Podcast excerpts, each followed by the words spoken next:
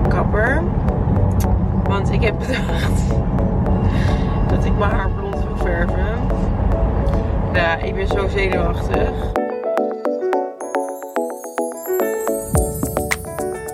Het gaat mij toch niet staan. Maar dan zie ik andere brunettes die dan hun haar wel blond hebben geverfd. En dan raak ik gewoon obsessed. Ik moet het ook.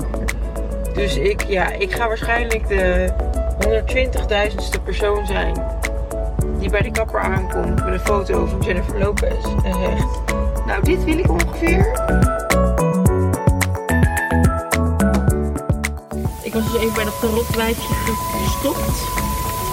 Uh, ze gaf me een vrij algemene uitleg over mijn toekomst. Afgelopen week kreeg ik binnen vijf minuten zeven keer dezelfde WhatsApp. Monica gaat trouwen. Op Instagram had ze een filmpje gedeeld waarop ze ja zei tegen Lars. Iedereen in de zevende hemel. Op mijn telefoon werd het feest alvast gepland. Wat zou ze aantrekken? Wie zouden er komen? En hoe konden we onszelf op de gastenlijst krijgen? Een paar minuten later was de feestvreugde alweer bekoeld. Monica had een grapje gemaakt, bleek in haar volgende video. Toch was het wel een mooi moment. We hebben collectief een aandachtspannen van maximaal 4 seconden, maar we geloven nog wel heilig in de liefde. Even dan. Je luistert naar de Monica Geuze Fem podcast en dit is alweer de tiende aflevering en daarmee ook de afsluiter van het eerste seizoen. Yay. En dat doen we vandaag met Jamie Lee. Hey Jamie. Hi, hallo. Leuk dat je er bent. Ja, thanks dat ik mocht komen. Yay. Superleuk. En we willen het vandaag graag hebben over vrouwenvoorschriften, vergelijken met andere mediarellen en wellicht ook wellnesscultuur. En kwetsbaarheid, toch? En kwetsbaarheid, ja. Ja, want uh, door hoe is het met jou?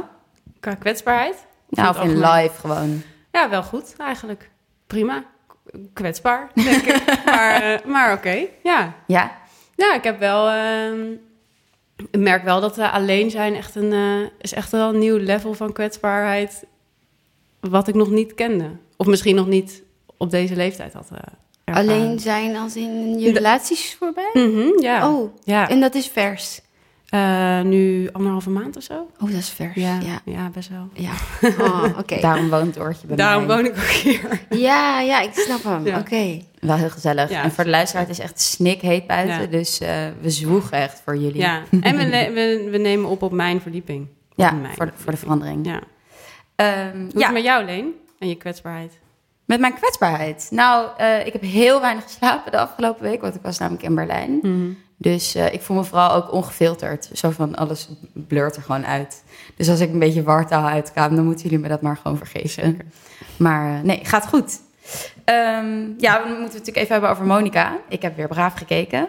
Monica's haar is blond. En wat ik heel nice vond was dat ze naar de kapper gaat, waar ik vroeger ook heen ging. Naar Lorin. Oh. En zij werkt nu is dat bij, bij Mojin? Ja, zij werkte eerst Ja. bij Mojin en nu werkt ze bij die Jordaanese kapper. Dus ik dacht meteen, fuck, ik moet ook mijn haar blonderen. Hmm. Het staat zo goed. Hm. Dat is echt heerlijk. Oké. En Sarah Lizzie werd één. Dat was allemaal heel schattig. Um, dus ja, Gefeliciteerd, dat, dat Sarah. Lissy, namens de Monica Geuze podcast. Nou, en nog steeds bedankt voor degene die ons al voordat Monica haar haar verfde, tipte dat Monica haar haar geen blond Ja. verf. Ik voelde me daardoor wel echt mega betrokken Ja. bij dit hele evenement.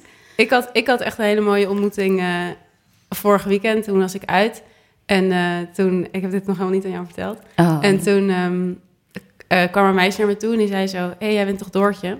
En ik ben heel slecht met namen. Dus ik, ik ging meteen een soort van register af in mijn hoofd van... Oké, okay, waar heb ik jou leren kennen? Wie ben jij? Waar, welke context kennen we elkaar? Dus ik, ik kon gewoon niks bedenken. Dus ik zei uiteindelijk, ja, sorry. Ik, ik, ja, ik ben Doortje, maar ik weet gewoon echt even niet wie jij bent. Zei ze, klopt, we kennen elkaar ook niet echt. Maar ik ken je van de podcast. Oh my god! Luister, ik luister elke aflevering. Ah. En jullie voelen als vriendinnen voor mij. Oh. Nou, kom al janken. En toen hebben jullie geknuffeld. Toen hebben we gezoend. Hoor jij dat vaak, Jamie? Ja, heel ja? vaak. Ja. ja. Is dat gek? Nee, het is eigenlijk uh, heel logisch. Van, uh, je zet je persoonlijke leven op het internet en um, er zijn wat trouwe volgers of, of kijkers. Mm -hmm.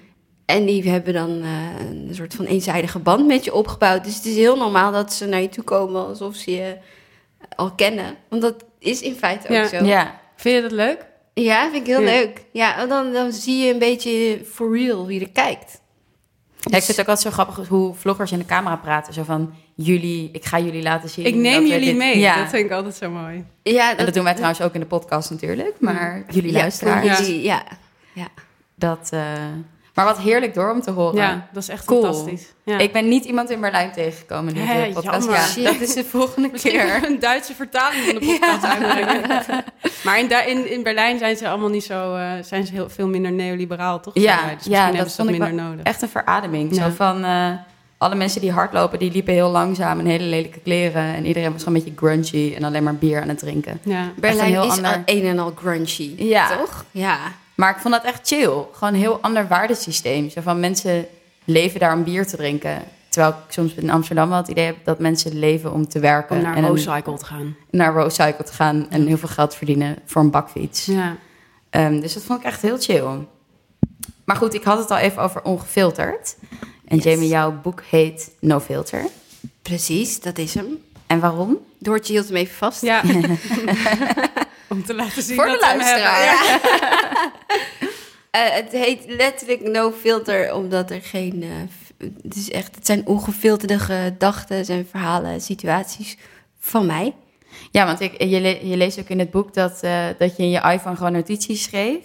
En die heb je Ja. toen naar je uitgever opgestuurd en toen was er een boek. Ja, nou ja, dat, die, dat lijstje van dingen waar ik over wil schrijven werd steeds langer.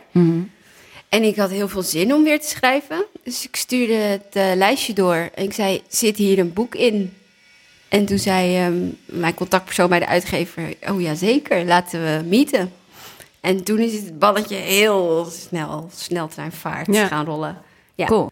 Ja, want ik, ik, ik kijk je vlogs al best wel lang. En wat ik Oh dus ja? heel chill vind... Wat ja, leuk.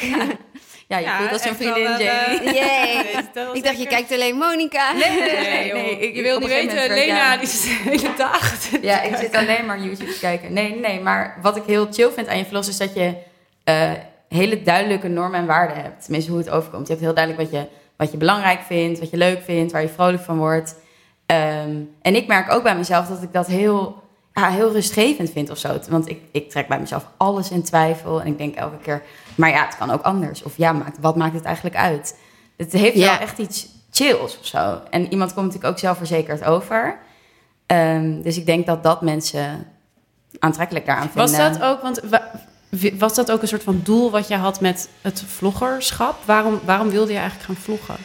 Ehm, eh, ik ehm, had altijd mijn website. Het was eerst Jamie's blog. Toen werd het Quarter Magazine. Omdat ik wat volwassener was geworden. Dus ik wilde die naam er eigenlijk uit. Een kwart eeuw of zo? Nee, nee, nee. Het sloeg op mijn afkomst. Ik ben een kwart van alles. Dus Ah, eh, dat. En ik vond de Q chic. Is het ook? Toch? Ja. En ik dacht ook, het is een soort headquarters online. Mhm. Dus dat was drie haakjes om die naam zo door te voeren. En ehm, op een gegeven moment kreeg ik een tweede kindje. Toen is alles echt eh, gedaald aan cijfers, bezoekers, mijn energie, alles. Hoe oud was je toen je het tweede kind kreeg? Oh jee, ehm, ik ben nu 32 en Kai wordt... eh, Het- het is Kai wordt warm. 4. Kai wordt 4. Dus ik was 28 dan? Ja. Of, het misschien 27, want eh, soms ben je, word je ook nog jarig tussendoor. Ja. Ik Ja. weet het niet.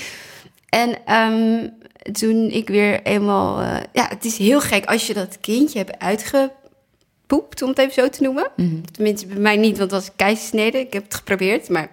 En ehm, dan, het is alsof die nare hormonen meteen weg waren. Dus ik voelde weer de zin van het leven meteen. En ehm, toen ik eenmaal in die, uit die kraamtijd was, dacht ik, hoe ga ik nu weer alles oppakken en mezelf vinden en mijn passie vinden? En ik zag heel erg de ontwikkeling van video en ik had heel erg zin om daar ook iets mee te doen. En begon ik eer- eerst met heel moeilijk denken van, oh ja, die interviews die ik altijd deed op mijn site, die gaan we nu in videovorm doen. Maar ja, dan dacht ik, ja, dan heb ik weer een camerateam nodig. Ik ben hartstikke blut op dit moment. Hoe ga ik dat allemaal regelen? Moet je weer iedereen een beetje lief aankijken? Ik nee, dit wordt hem ook niet. En ik weet niet meer hoe ik erbij kwam, maar ik wist wel wat vlogs waren.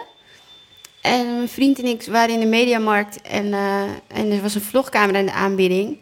Dus ik zei, hé hey, eh, Alain, eh, zal ik gaan vloggen als grapje? En toen zei hij, ja, waarom niet? Ik edit het wel. Probeer het gewoon in ieder geval even.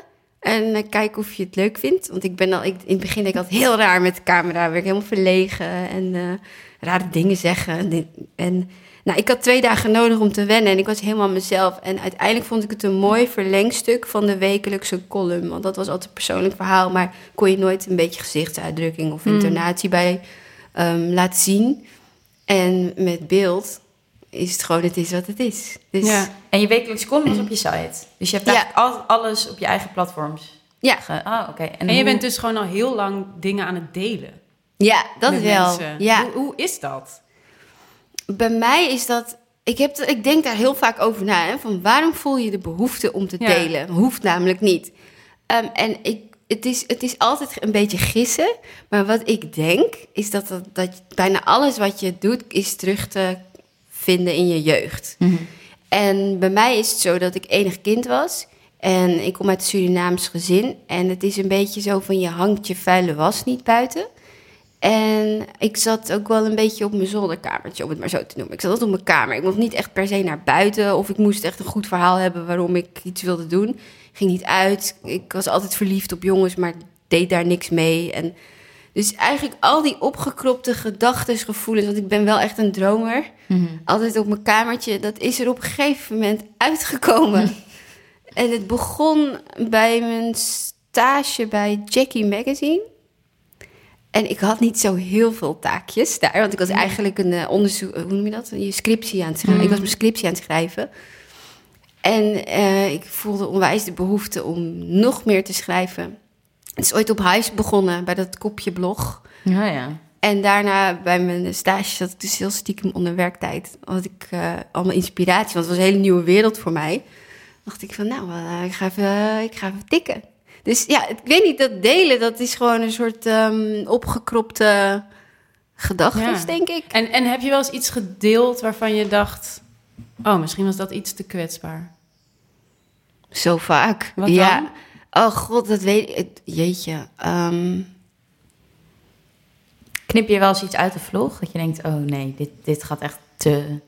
Ja, als ik vind dat het niet overkwam zoals ik het be- bedoelde, Ja, ja. dan haal ik het eruit. Of als ik vind dat het te persoonlijk is voor de kindjes of zo. Ja, Ja. ik denk, nou, misschien zijn ze hier later niet oké mee. Ehm, of als ik zie dat een ander zich niet prettig voelde. Ja, Dus als ik voel dat iemand een beetje awkward was of, of niet helemaal zichzelf. Of als iemand heel ongunstig in beeld is, vanuit een fucked up angle, zeg maar. Dan dat soort dingen knip ik uit. Maar heb je wel eens iets gedeeld over jezelf waarvan je achteraf dacht... Oh, ik vind het op zich niet heel fijn dat mensen dit over mij weten. Ehm, in het verleden heb ik wel eens verhalen geschreven wat, wat ik, ehm, dat ik vond dat ik de ander zwart maakte. Mm. Dus dat, Mm. en nu heb ik echt heel erg leren schrijven om het dicht bij jezelf te houden, zodat je een ander niet per se afbrandt. Maar daar heb ik echt wel spijt van gehad. Van, oh, wat, een, wat, een, wat een lelijke kant van je dan, laat je dan zien. Je laat je zo kennen.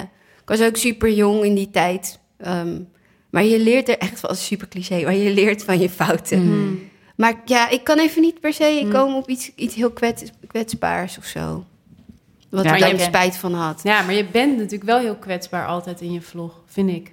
Ja, ja, ja, je? ja, maar Ja. Op, een, op, een, op een manier... Ik bedoel, je deelt, je deelt zoveel ook over eh, hè, dingen waar je mee zit. Of net zoals in je boek over... Nou, na je, je borstoperatie Ja. en, je, en je buik. Want ik kan me Ja. voorstellen dat je je nou gewoon helemaal kapot voelt. En dat je dan een Ja, en dat camera je dan nog die camera pakt. Oh ja. ja. Ja, nou ja, ik, pak, ik heb één regel. Ik pak hem altijd alleen wanneer ik zin heb. Mhm. En ik had er wel gewoon zin in om het proces te delen. Het is, want het is ook een soort... eh, je weet toch, wanneer je televisie kijkt... dan heb je op een gegeven moment zo'n quote moment... in de reality-programma's. Een soort dagboekkamer. Mhm. En dat, Oh, je bedoelt zo'n aparte ding zoals bij Expeditie Robinson? Juist, dat ja, je, ja, ja, ja, dat voelt gewoon even fijn om even, te, even van je af te praten Ja. of Ja. zo. Ja, dus het is juist wel lekker. Dat is een beetje wat jij voor mij bent, Lena. Die aparte kamer. Expeditie Robinson. Maar realiseer je dan op dat moment ook dat...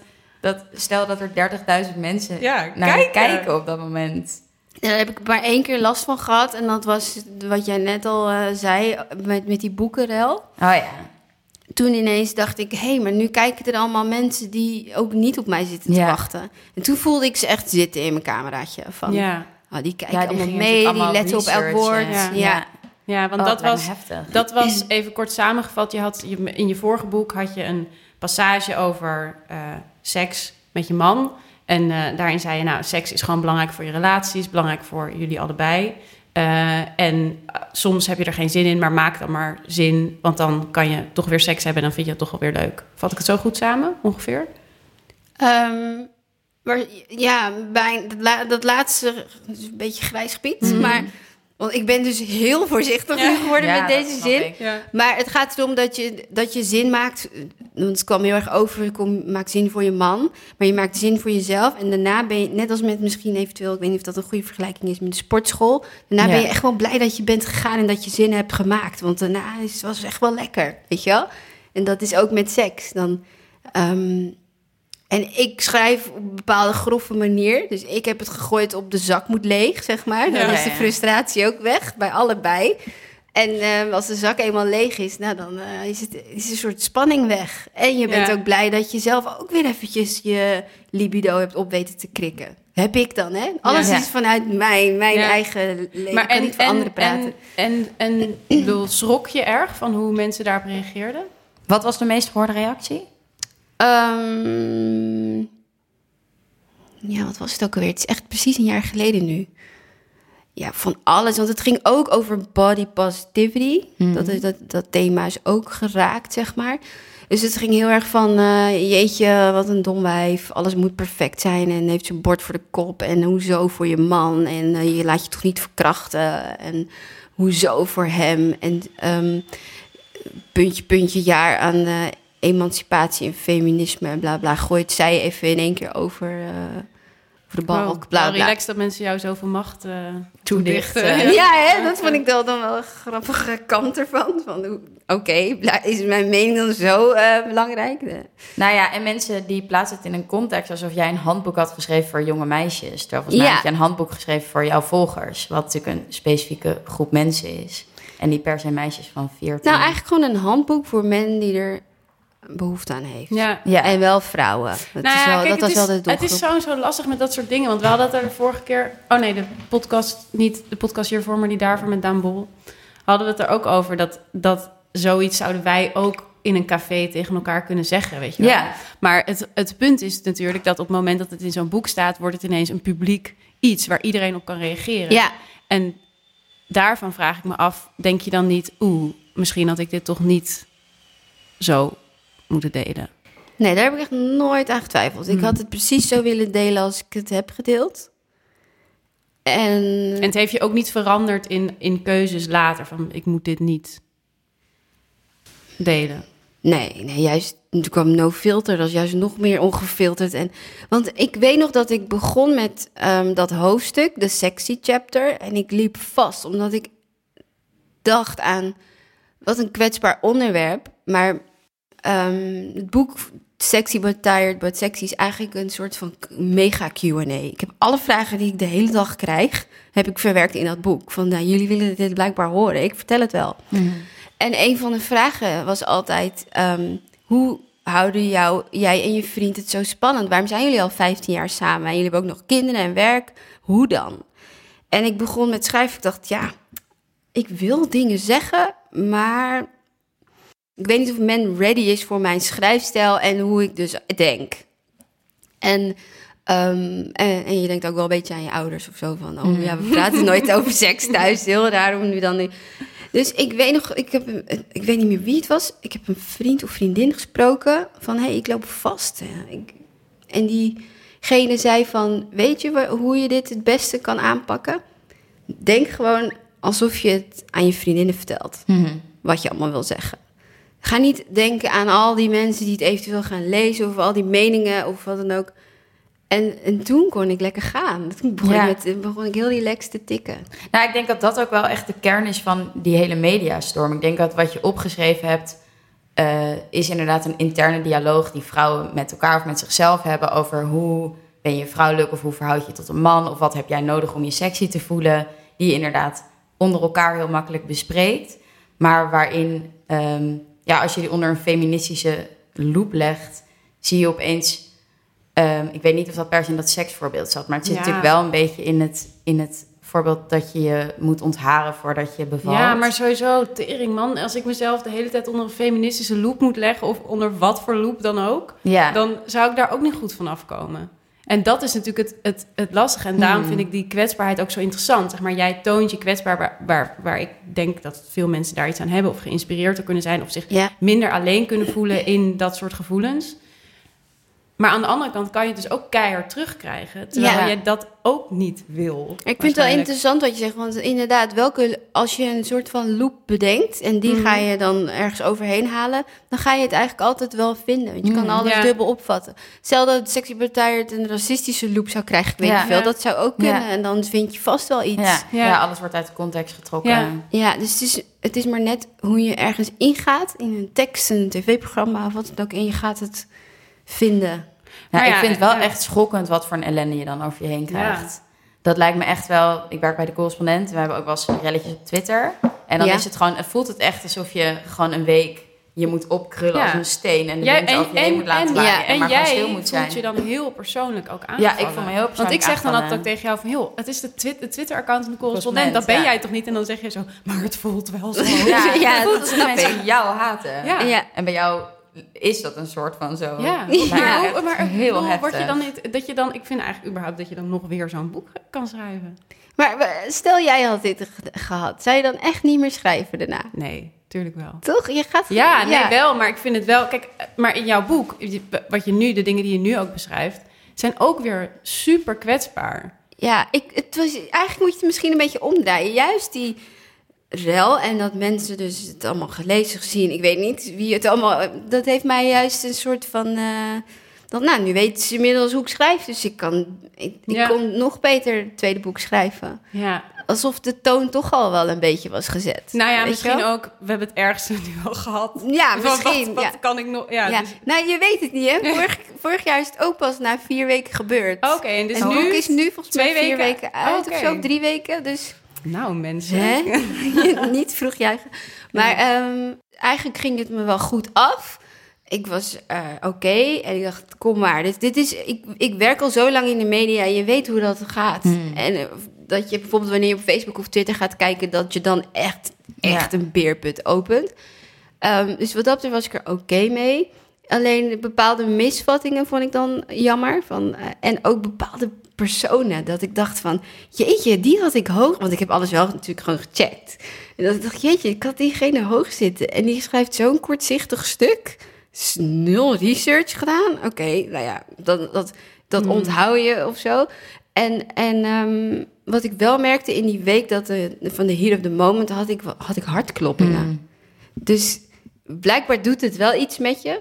Tuurlijk. Maar ehm, Nee, je bent echt bedreigd. het eigenlijk. viel ook wel weer mee of zo. Ja, je, Ja. Wordt, je, je wordt gewoon heel erg aangevallen. Ja. Ja. Ja, sick. En, Zelfs eh, want ik, ja, en ik vond wel dat je dus nu, hè, wat ik zei, van juist weer heel kwetsbaar bent in je boek. En ik ben heel benieuwd of je dan rekening houdt met de reacties, bijvoorbeeld op eh, je stuk over ehm, je persreis met de 300k-club. Wat Ja. voor mij een feest was om te lezen. Ja? Ja, ik bedoel, ik, ik ben bezig met een boek over influencers. Ik, ik volg al een jaar een aantal influencers. En eigenlijk dacht ik, ja, dit is eigenlijk het verhaal waar ik naar op zoek was. Ja. Even Ja. voor de luisteraar. Jamie, wil je het verhaal Ja, wil je het, vertellen in wil je het in noten vertellen waar het over gaat? Ehm, ik was gevraagd voor een persreis. En het kwam eigenlijk niet zo heel goed uit. Maar ik, ik had me laten verleiden door ehm, de grote groep die mee zou gaan. En dan bedoel ik groot in aanname. En ehm, het was vanuit een titel, een tijdschrift. En dat vind ik ook, vond ik, vind nog steeds een aantrekkelijke titel. Alles leek aantrekkelijk, zakelijk, technisch gezien.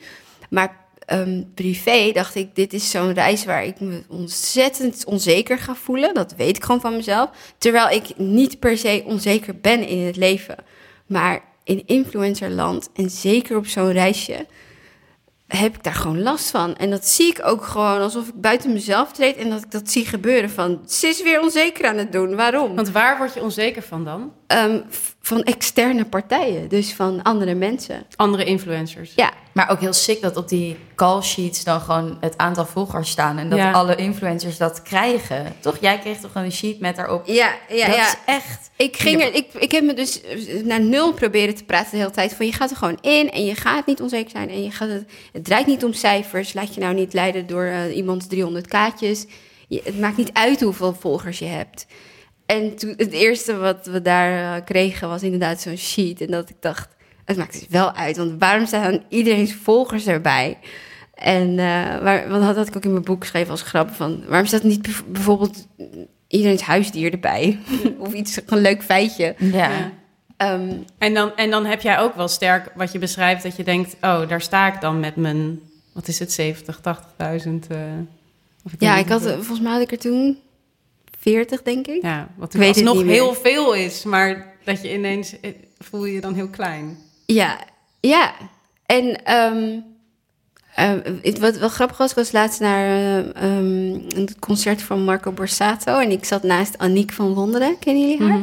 Ik niet. Ah, zij is inmiddels ook vlogger. Maar ze was bekend geworden met I Love Fashion News. Hm. En, is, en we kennen elkaar al heel lang. En toen zei ze, hey Jamie, check eens even dit stadion. Hè? Die mensen daar aan de overkant. Dat zijn, dat zijn gewoon de... v- Hoeveel, hoeveel, eh, hoeveel kijkers heb jij per vlog? Dit en dat. Dat zijn deze mensen allemaal. Stel je voor dat ze hier zo in je kamer staan. Of je zal ze maar eh, uitnodigen. Zei ik, ja, als je het zo bekijkt...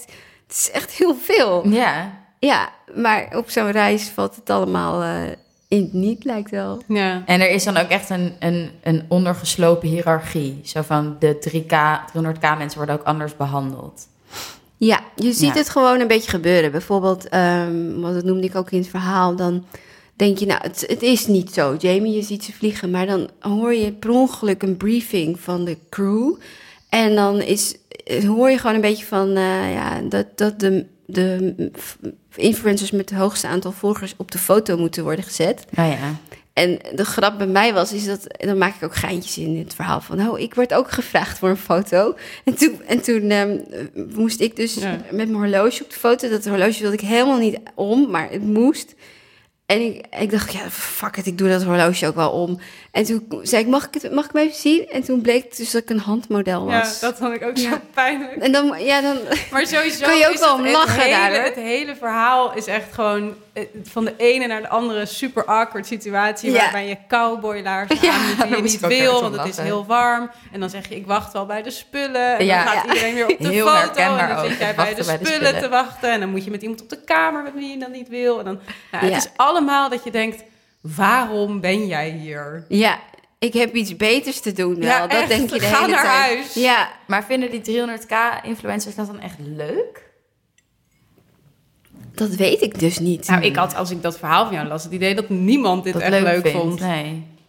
Maar de 300k-club kan wel echt heel goed doen alsof ze het wel leuk vinden. Ja. Dus ik kan het niet goed peilen. Hm. Ik heb het er niet eh, met ze over gehad. Ja, en en ben je, als je zoiets, oh, zoiets schrijft en deelt... Want kijk, ik bedoel, tuurlijk, wij, wij weten allemaal... wie er meer dan 300.000 volgers hebben. Ik bedoel, je, je noemt geen naam in je boek. Maar eh, die meiden weten wel dat het over hen gaat. Want die weten dat jij op die reis was. Ben je dan niet bang dat dat, dat, dat voor negativiteit gaat zorgen... of eh, jou ook professioneel zou kunnen schaden? En 300k is natuurlijk een grap, want het zouden er ook 100k kunnen zijn of 1 miljoen. Dus wat dat betreft, ehm, er staat ook in het boek min of meer gebaseerd op waar gebeurde verhalen. En het is ook wel een ehm, verzameling van heel veel persreizen. Dus ik weet niet of ze het altijd zouden kunnen terugplaatsen. Ja, ja, Het zou kunnen.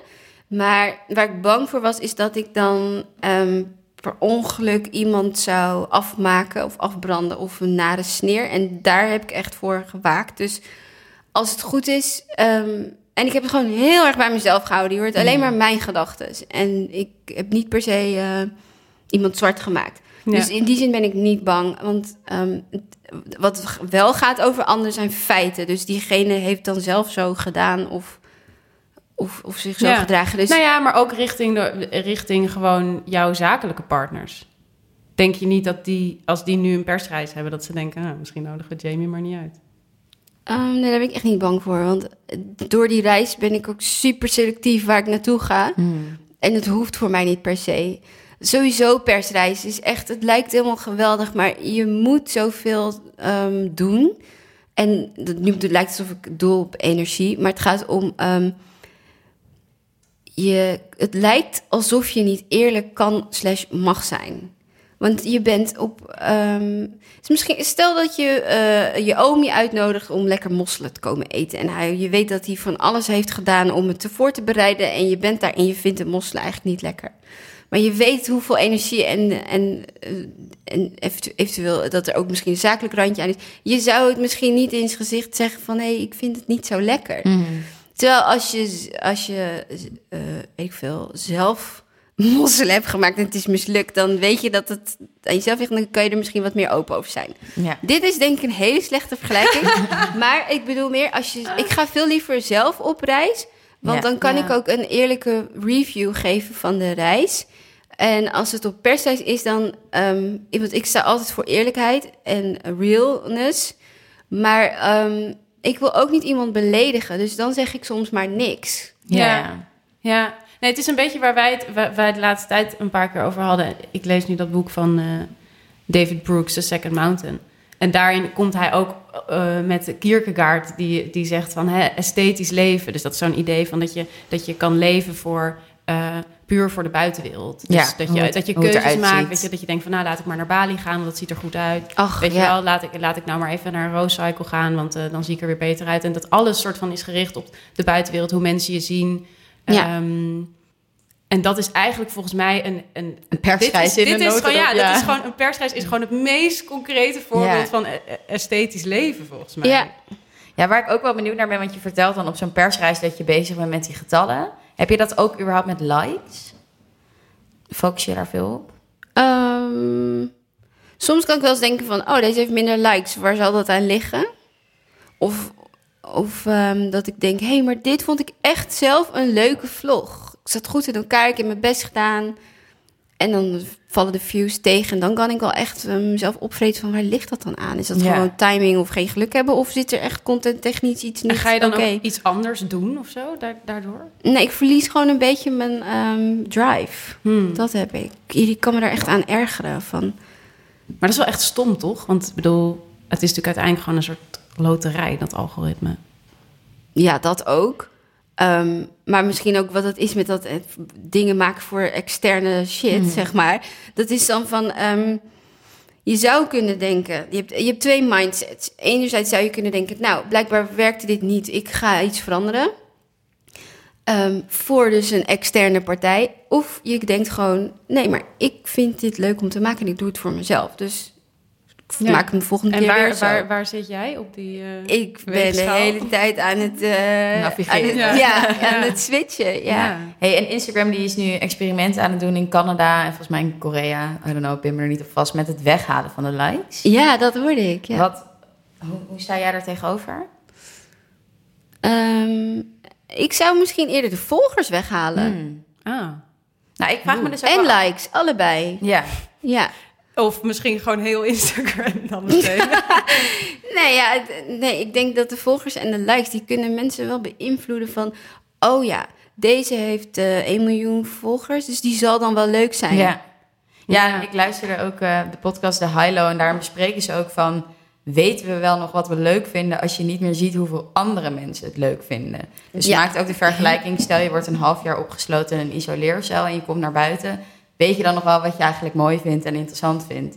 Dat is een beetje het weghalen van de likes op Instagram. ja. Zo van, hoe, hoe cureren we dan nog wat de mode Maar dat is, is of toch wat werkt? sowieso Of, gewoon met, met technologie en alles zo bereikbaar. Hoe weet je überhaupt nog wat je leuk vindt? Ik bedoel, Ja. ook mijn mannelijke vrienden die swipen zich de hele dag helemaal gek op Tinder en daten dan met meisjes. En die hebben ook eens het gevoel van, ja, ik, ja, ik vind het wel leuk of zo, weet je wel. Maar Ja. ik haar ook wel leuk. Er is gewoon, er is geen... Niemand weet meer wie Niemand is. weet, weet meer wie, wat hij leuk vindt, volgens mij. Omdat je gewoon altijd weer een klik away bent van iets anders wat ook wel leuk is. ja. Nou ja, ik ben ook wel benieuwd eh, hoe het zakelijk zou zitten als de likes weg zouden gaan. Ja. Hoe zou dat dan met je samenwerkingen werken? Maar volgens je, mij- je kan het wel nog zelf Ja, zien. je Ja, kan als je het het zelf kan zien, kan je gewoon een eh Nou, uitdraaien. En toen zat ik ook te denken van... eigenlijk wordt daarmee Instagram nog intrans- intransparanter. Want dan zie je dus niet meer wat heel veel likes heeft gekregen. Maar Instagram bepaalt natuurlijk wel aan de hand van hoeveel interactie er is... wat je bovenaan ziet. Ja, het wordt nog zakelijker. Het wordt Ja. nog vertroebelder wat dan de werkelijkheid Ja. is. Want nu kan je nog zien... oh, honderdduizend mensen vinden dit leuk, dus daarom zie ik dit. ja, En dan is het gewoon ja, een average foto... ja. die dan je ziet dit. realiteit vormt. Ja, je ziet it. Ja. Maar ik denk ook dat je alsnog zelf obsessief gaat kijken... naar hoeveel likes heb ik. Want je ziet het wel zelf. dat zou kunnen, ja. Ja, doe je Ja. dat? Kijk je veel? Eh, ja, ja, ja, ja. Ik kijk wel ehm, Vooral naar, naar het overzicht. Van, Naar je grid. naar mijn statistieken. Van, Oh, eh, oké. welke heeft het het best gedaan? Je En- grid? Ja, dat is toch dat overzicht op je home? Oké, cool. Ja, ik, ik, Gewoon, ik dat- blair dat ook zijn maar al wat die- jargon. I don't know. Dat, ja. Nee, ik kijk wel eens naar de statistieken die dus niet iedereen kan zien. Dan Ja. kijk ik even van welke heeft het best gedaan de afgelopen drie maanden. En zie je daar trends in? In wat het beste werkt? Ja, wat Ja. doet het goed? Ja? Ja, kinderen. Kinderen. Altijd. Ja, katten. Eh, Nienke Plas, die doet het heel Oh goed. ja.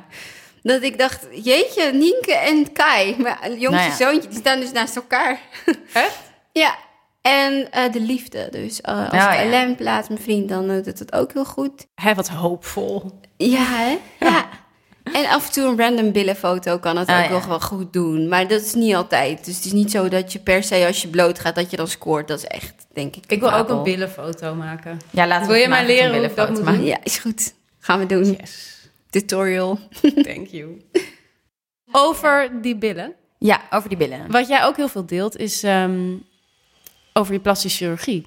Keuzes en eh, processen daarin. En ik vroeg me af, ja, waarom wil je dat überhaupt? Waarom wil je die borstvergroting of buikwandcorrectie? Is dat, want wa- waar we het net over hadden, hè, van dingen van extern, is dat iets omdat je het gevoel hebt dat je moet voldoen aan een ideaal? Of? Heb je dat trouwens verhaal, dat verhaal gelezen, Torso-tranen? Aha. Daar, heb ik het helemaal in uitgelegd. En dat heeft dus niks te maken met, met externe Mhm. invloeden. Dat, dat heb ik gedaan, heel concreet. Mijn buikwandcorrectie heb ik gedaan omdat ik een stukje vel over had. Dat vond ik ehm, niet mooi en niet handig. niet lekker zitten. Dus het is echt niet praktisch. Want als je bijvoorbeeld sport of seks hebt of wat dan ook... dan voel je hem gewoon ja, fladderen, flapperen. Welk woord kunnen we hier... Je voelt hem. En, ehm, en ik vond dat zonde in de bloei van mijn leven. En dan heb ik zo'n hele hangende buik. En dat ook precies in die zonne die ik... Wat, ik vond mijn- mijn buik altijd het mooiste aan mezelf. Ik hoefde er nooit wat voor te doen en, ik, en hij was strak. En het leek alsof ik blokjes had bovenin. En dat was nu allemaal... kon je allemaal niet meer zien doordat er fel over... eh overtollig huid was het door de zwangerschap. Dus ik wist al meteen na mijn eerste kindje van... ik ga dit ooit weg laten halen, want dat is gewoon zonde. Ik ga hier niet mijn hele leven mee rondlopen. Maar ik wist dat ik nog een tweede kindje eventueel zou willen. Dus ik heb het gewoon gelaten. En daarna was ik, voelde ik op een gegeven moment van... ehm, het, was, het was een beetje per ongeluk. Ik ging naar de plastisch chirurg voor een neusbeeldje... wat eventueel kwaadaardig was. Maar dat was gelukkig goed. En toen dacht ik, hé, nu ik hier toch ben... ga ik even al mijn vragen stellen over mijn buik.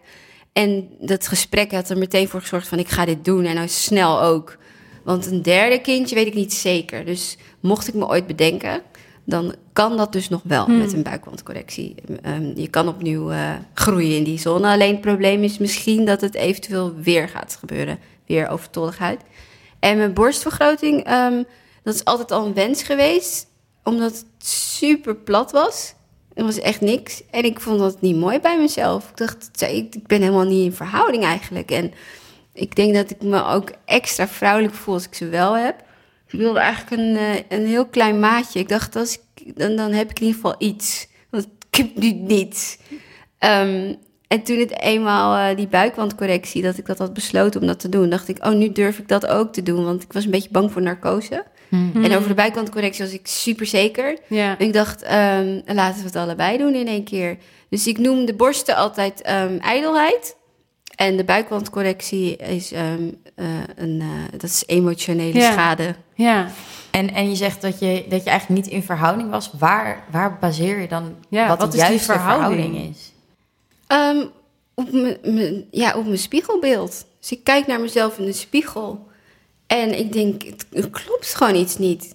En je zou denken dat ik dan ehm, eh, even iets te veel Kim Kardashian heb gekeken, bijvoorbeeld. Of J-Lo. Of J-Lo. Dat zou kunnen, maar ehm, dat is echt niet zo. Misschien gewoon een vrouwenlichaam aan zich. Ja, dat ja. zou Ja. kunnen, dat ik daarnaar heb gekeken van...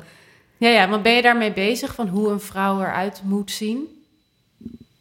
Nee, ik, ik ben altijd mee bezig hoe ik zelf eruit wil zien.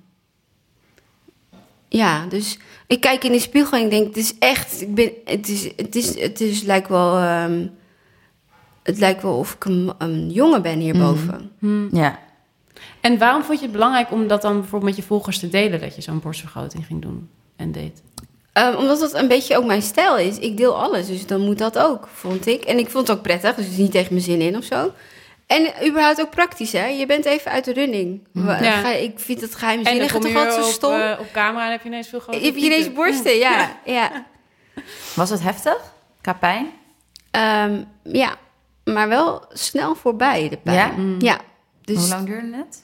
ehm, je hebt drie dagen echt kut. Na een week heb je ook nog wel pijn. Wil jij het ook? Ja, eh, ik zit even te inventariseren. Oh ja, maar het- kijk, ik heb een echt een klap gehad alsof ik door de tram ben geraakt. Ja, want ja. je hebt je Oh, hele torso kapot. ligt eraf, zeg Ja. maar. Ah, dus je kan echt zeker een week niet werken alleen. Hè, wat jammer. Moet Maar vakantie hoor. Borsten alleen zou wel, denk ik, dat is meer, minder... Is minder heftig. Ja, ja. Ja, precies. En, en hoe reageerden je volgers Vonden op zo'n... eh, Ehm, als bij de aankondiging heel negatief. Oh ja? Wat dan? Wat, eh, wat ben jij nep en waarom moet je altijd zo, waar moet alles altijd zo perfect zijn bij jou? En je bent toch mooi en je hebt er toch kinderen voor teruggekregen? Dat ongeveer. Mhm. Ga je daar dan op in? Eh, ik ben er één keer op ingegaan. Iemand die heel lief gewoon vroeg van... Ik, dat was dan na de operatie. Die vroeg gewoon van... Waarom heb je dit gedaan? Zo, die vroeg het gewoon echt heel... Van op, ik ben oprecht nieuwsgierig naar... Ja. En ik, kon, ik wilde dat ook best wel vertellen in mijn vlog. Maar ik kwam er niet aan mijn woorden. Het werd, het werd hem gewoon altijd niet. Dus ik heb heel uitgebreid eh, op haar gereageerd. En ik dacht, nou, wie, wie het wil weten, kan het eventueel lezen. En ik wist dat ik het verhaal in mijn boek zou schrijven. Dus ik dacht, nou, als, je, als jullie het echt willen weten... dan eh, schrijf ik dat één keer op. En ehm, na de operatie, dus vooral het proces, kreeg ik heel veel lieve en leuke en, eh, en, en ook trouwens op mijn Instagram heb ik een heel klein fotootje gedeeld van hoe het was. En het leek alsof men dat nodig had of zo. Want toen pas kreeg ik heel, heel veel lieve berichtjes. Van hoe het was voor je operatie? Oh. Ja. Oh, dat vind ik wel bizar. ja, dat want het mensen is, daar dan zo op aangaan. Ja. Oh, nou begrijp ik het. Ja. Ja. Dus enerzijds vond ik een stukje onderzoek wat, wat hoort om een verhaal te schetsen. Je moet ook ehm, ehm, men van, mensen van informatie voorzien als ze het totaalbeeld willen weten of, of een mening kunnen vormen. En ik vond het misschien een beetje. ehm, oh, ik kan niet op het woord komen. Niet misplaatst, misvormd. Vertekend. Vertekend beeld als. Eh, als je alleen het, het eindresultaat deelt. Ja. Maar tegelijkertijd voelde het als verantwoording afleggen. En dat, wil, dat is één ding wat ik echt nooit doe of wil doen. Ga je ook op een andere manier naar je lichaam kijken? Want ik kan me best wel voorstellen dat als je eenmaal hebt ervaren dat je je lichaam enigszins kan kneden zoals jij het wil hebben, dat je gaat kijken, oh, wat zou ik verder nog anders willen? Ehm, dat, dat heb ik eigenlijk niet. Nee? Nee, want in principe ben ik niet echt een plastische chirurgie persoon.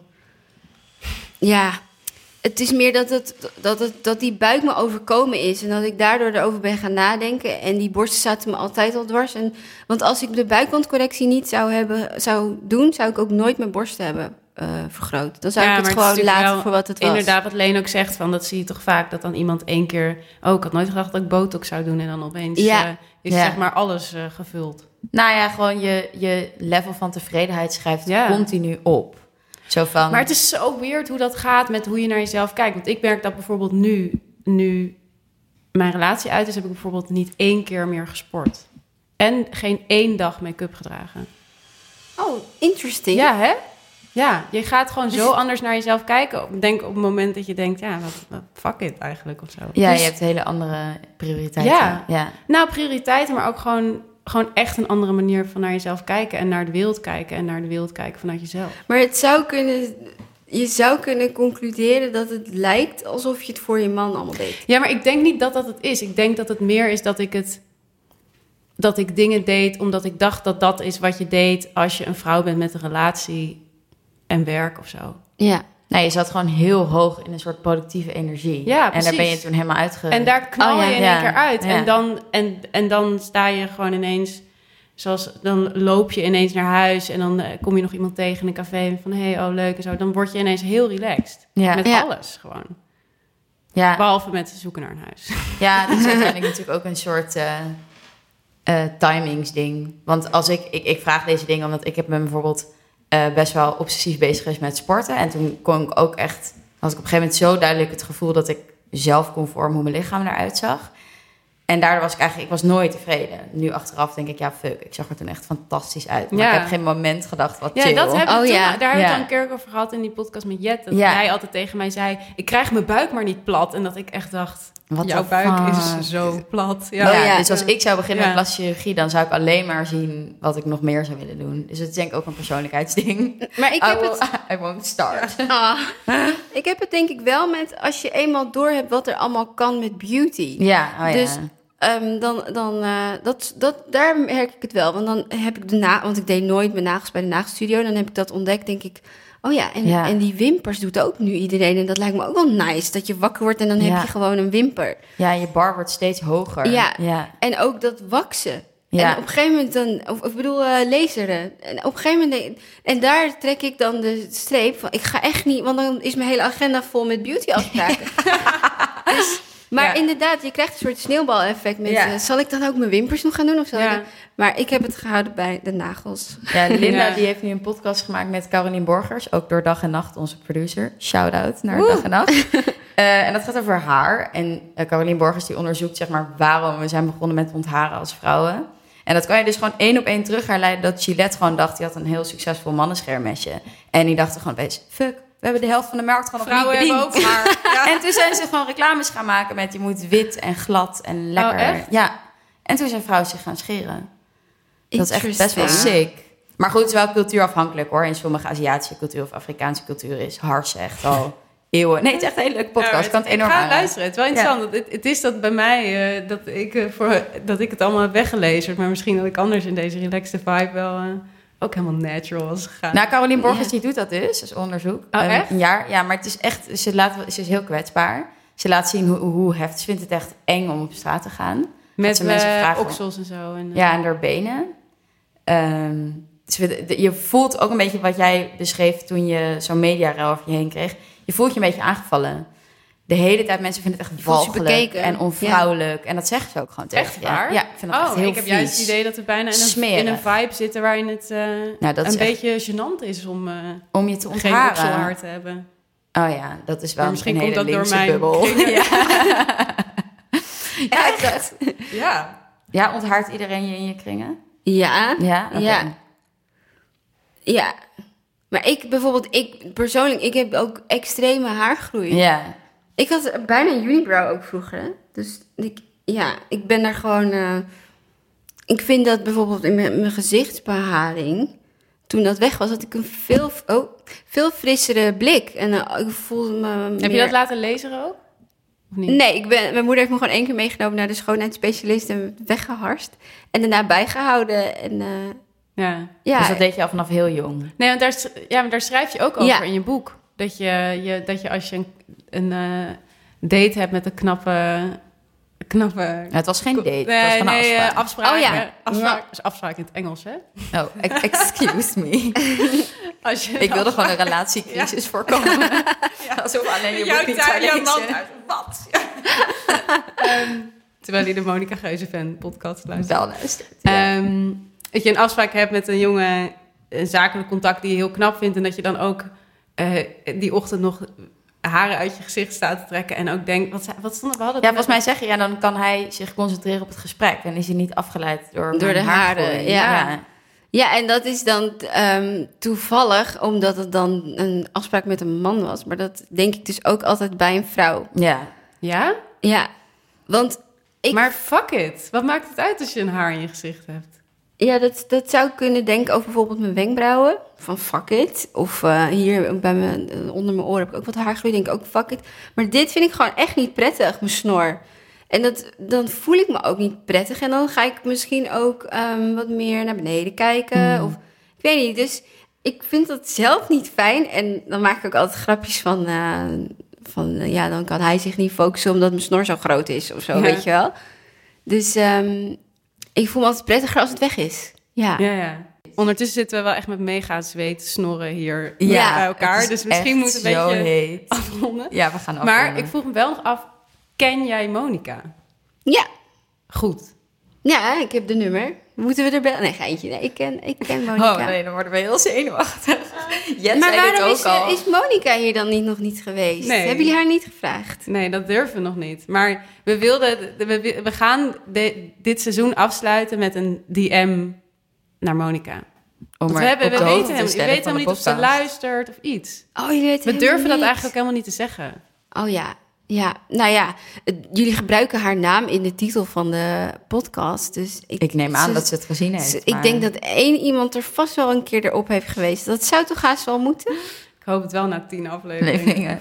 Goed, sake. anders hoort ze het nu via een DM. Ja, Ja, ja. Hoe groot is jullie fanschap tegenover Monica? groot. Het is in elk geval onvoorwaardelijk. Ja. ja, het is wel af en aan met het vlogs kijken. Ja. Zo van, in de zomer kijk je gewoon minder YouTube. Ehm nou, Doortje kijkt überhaupt geen YouTube. Ik ben eigenlijk de meer. enige die dit kijkt. Nee, ik vind Nee, het van heel chill om vlogs kijken als ik brak ben. Ik moet, dat vind ja, ik zo ook. chill. Dus ik morgen denk ik dat. Ja, morgen dat is gewoon zaterdag, relaxed. zondag, ja. En, Ja. en dat je ook echt zo na, na zes uur voel je ook heel goor. Maar dan zijn we wel weer bij. Ja, Ehm, nee, ik weet niet. Het wordt gewoon heel relaxed Monica. Ik vind gewoon chill. Niet Ja. zo opgehitst. Precies. Ook Volgend seizoen openen met Monica. Dat Oh, durven we nog niet Jamie. aan hoor. Dat zou toch wat zijn? Kunnen we de eerste gast zo bekendmaken? Of Nee, moeten we- oh, oké, nee, jammer. nee, Nee. Nee, we gaan een DM sturen Ja, en eh, bidden. en binnen, ja. Spannend. Ja. Oké, ehm, nou dan voor de luisteraars. Dit was dan seizoen 1. Seizoen 1. Dank jullie wel dat jullie ook allemaal hebben geluisterd en berichtjes hebben gestuurd en mailtjes hebben gestuurd. Dat is echt, nou ja, ik zeg het elke keer als, alsof ik een soort Oscar in ontvangst neem, maar dat is echt zo tof. Ja, het is echt heel leuk. Ja. Gewoon als ik me een beetje slecht voel, dan log ik in op Monica Geuze Instagram. En dan krijg ik allemaal liefde over me heen. ja. Dat is zo gezellig. Dat is echt zo fijn. Oh, En jullie hadden ook leuke tips voor eh, gasten, waaronder Ja. Jammer de Boer. Dat zou ik wel leuk vinden. Die Ja. heeft een boek geschreven, Eet taart, krijg een sixpack. Ja, dus wie weet. Ehm, maar we zijn nog steeds op zoek naar tips. Dus laat het ons vooral ook weten. Laat ons alles weten. Laat ons alles weten, wat je vond. Of je vriend ook luistert. Ja. Of je Monica Zorg kent. dat je vriend luistert. Oké, nou dan zien we jullie weer begin september. Dan gaan we weer beginnen. Ja, dankjewel Jamie. Ja. Jullie bedankt. Doei. Doei.